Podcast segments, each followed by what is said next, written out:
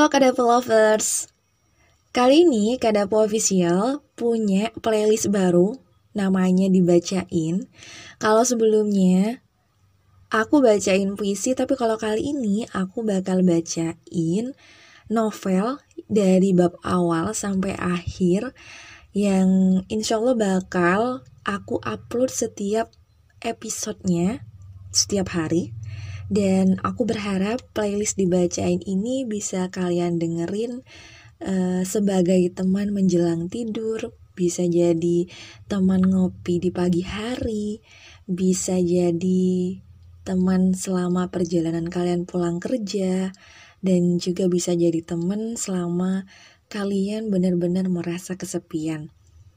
Dan playlist dibacain ini nggak hanya hadir di channel YouTube kita, tapi juga hadir di berbagai aplikasi podcast di Spotify, Anchor, dan Apple Podcast dan juga beberapa aplikasi podcast lainnya.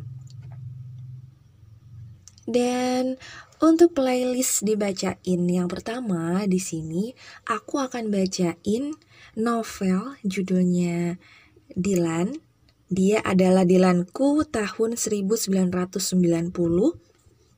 yang ditulis oleh Pidi Baik. Dan aku bakal bacain dari bab awal. Milia Adnan Hussein 1990 Judulnya Aku Namaku Milea Milea Adnan Hussein Jenis kelamin perempuan dan tadi baru selesai makan jeruk. Nama belakangku diambil dari nama ayahku. Seseorang yang aku kagumi dan dia adalah prajurit TNI Angkatan Darat. Dia lahir di Batu Sangkar, Kabupaten Tanah Datar, Sumatera Barat. Ibuku namanya Marisa Kusumarini. Oleh teman-temannya biasa dipanggil Ica. Dia mojang Bandung yang lahir di Buah Batu. Sebelum dinikah dan lalu diboyong ke Jakarta oleh ayahku, ibuku adalah seorang vokalis band yang lumayan dikenal di masyarakat musik Bandung pada masanya. Ibuku, meski waktu itu masih remaja, tapi sudah bermain musik sama orang-orang yang sudah tua dan keren seperti Uwak Gito Rolis, Kang Deddy Stanza, juga dengan Kang Harry Rusli yang waktu itu bikin kelompok musik Gang of Harry Rusli. Dan kata ibu, mereka semua adalah gurunya. Menurutku, dia punya suara yang bagus sepanjang waktu selalu siap untuk nyanyi atau bersenandung di mana saja, terutama di kamar mandi dan di dapur ketika masak. Dia juga suka bermain gitar sambil nyanyi di ruang tamu dan menyebut nama bijis ketika aku tanya lagu siapa itu. Ini judulnya I Started a Joke, jawab ibu. Bagus, aku suka. Oleh dirinya, musik benar-benar menjadi bagian dari keluarga. Dan ayah mendukungnya dengan kekuatan militer. Aku merasa bersemangat tentang hal ini. Dia menyambut anak-anaknya kepada pengalaman seninya.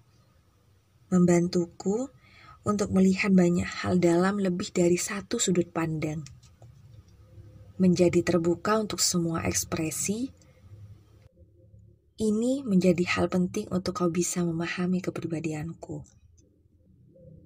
Sejak kecil, aku tinggal di Jakarta, yaitu di daerah kawasan Selipi. Tahun 1990,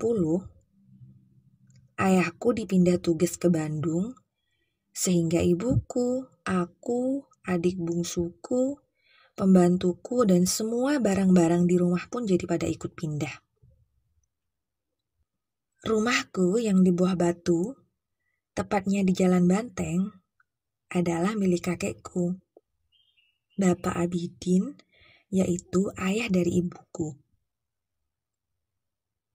Tapi kakekku sudah meninggal pada bulan Mei tahun 1989.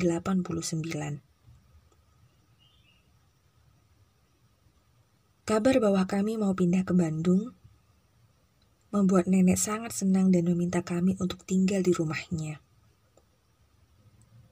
Tapi sayang, tahun 1990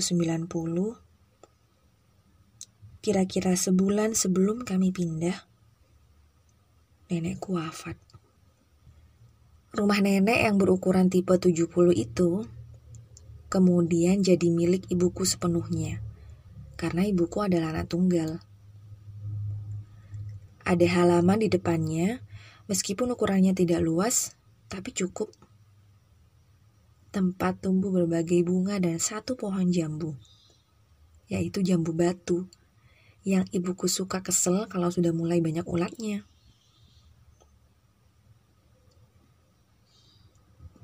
Aku juga pindah sekolah ke SMA negeri yang ada di daerah Buah Batu, Bandung. Bagiku, itu adalah sekolah yang paling romantis sedunia. Atau kalau enggak, minimal se-Asia lah. Bangunannya sudah tua, tapi masih bagus karena keurus. Di halaman depan sekolah, ada tumbuh pohon besar. Cabangnya banyak dan bagus kalau dilihat senja hari, dan siang kalau mendung, juga pagi kalau mau. Sebagian orang percaya pohon itu berhantu. Tapi aku nggak takut kecuali kalau harus tidur sendirian di situ malam hari. Tahun 2001, waktu aku datang untuk reuni, aku sudah tidak melihat ada pohon itu lagi di sekolah. Entah kapan ditebangnya. Dulu, jalan yang ada di depan sekolahku cuma jalan biasa Lebarnya kira-kira 3 meter dan belum banyak kendaraan yang lewat, termasuk angkot. Sehingga untuk bisa nyampe di sekolah, aku harus mau berjalan sepanjang kira-kira 300 meter, yaitu setelah aku turun dari angkot di daerah pertigaan jalan itu. Sekarang jalan itu sudah berubah sudah jadi jalan raya yang dipadati oleh banyak kendaraan. Dulu, motor juga belum banyak. Hanya beberapa orang saja yang pakai. Sebagian besar bepergian dengan angkot atau bemo. Rasanya waktu itu Bandungnya masih sepi, masih belum banyak orang. Tiap pagi masih suka ada kabut dan hawanya cukup dingin. Seperti menyuruh orang untuk memakai sweater atau jaket kalau punya. Dan kalau cuaca sangat dingin, akan keluar uap dari mulutmu ketika kau bicara. Bagiku, selain bagus dan romantis, Sekolah itu adalah tempat khusus yang menyimpan kenangan masa laluku ketika masih SMA. Ketika aku remaja dan pacaran, terutama menyangkut seseorang yang pernah bersamaku, yang pernah selalu mengisi hari-hariku. Itu adalah kenangan yang paling susah kulupakan, bahkan ketika aku ingin. Dan malam ini akan aku ceritakan kisahnya bersama rinduku kepadanya yang tak bisa kuelakkan. Kisah itu akan aku tulis semuanya sesuai dengan apa yang terjadi waktu itu, meskipun tidak akan mungkin detail, tetapi itulah intinya. Beberapa nama tempat dan nama orang ada yang sengaja kusamarkan untuk tidak merembet menjadi suatu persoalan dengan pemilik tempat dan orang-orang yang bersangkutan. Semua akan kutulis dengan menggunakan cara si dia di dalam bergaya bahasa. Entah gaya apa, pokoknya kalau dia bicara, bahasa Indonesianya cenderung agak Melayu dan nyaris seperti baku. Kedengarnya sedikit tidak lazim, seperti bahasa Melayu lama yang biasa digunakan oleh Sultan Takdir Ali Syahbana. Tapi itu bukan hal yang penting untuk kita persoalkan. Ini cuma caraku saja untuk sekadar bisa mengenang khas dari dirinya.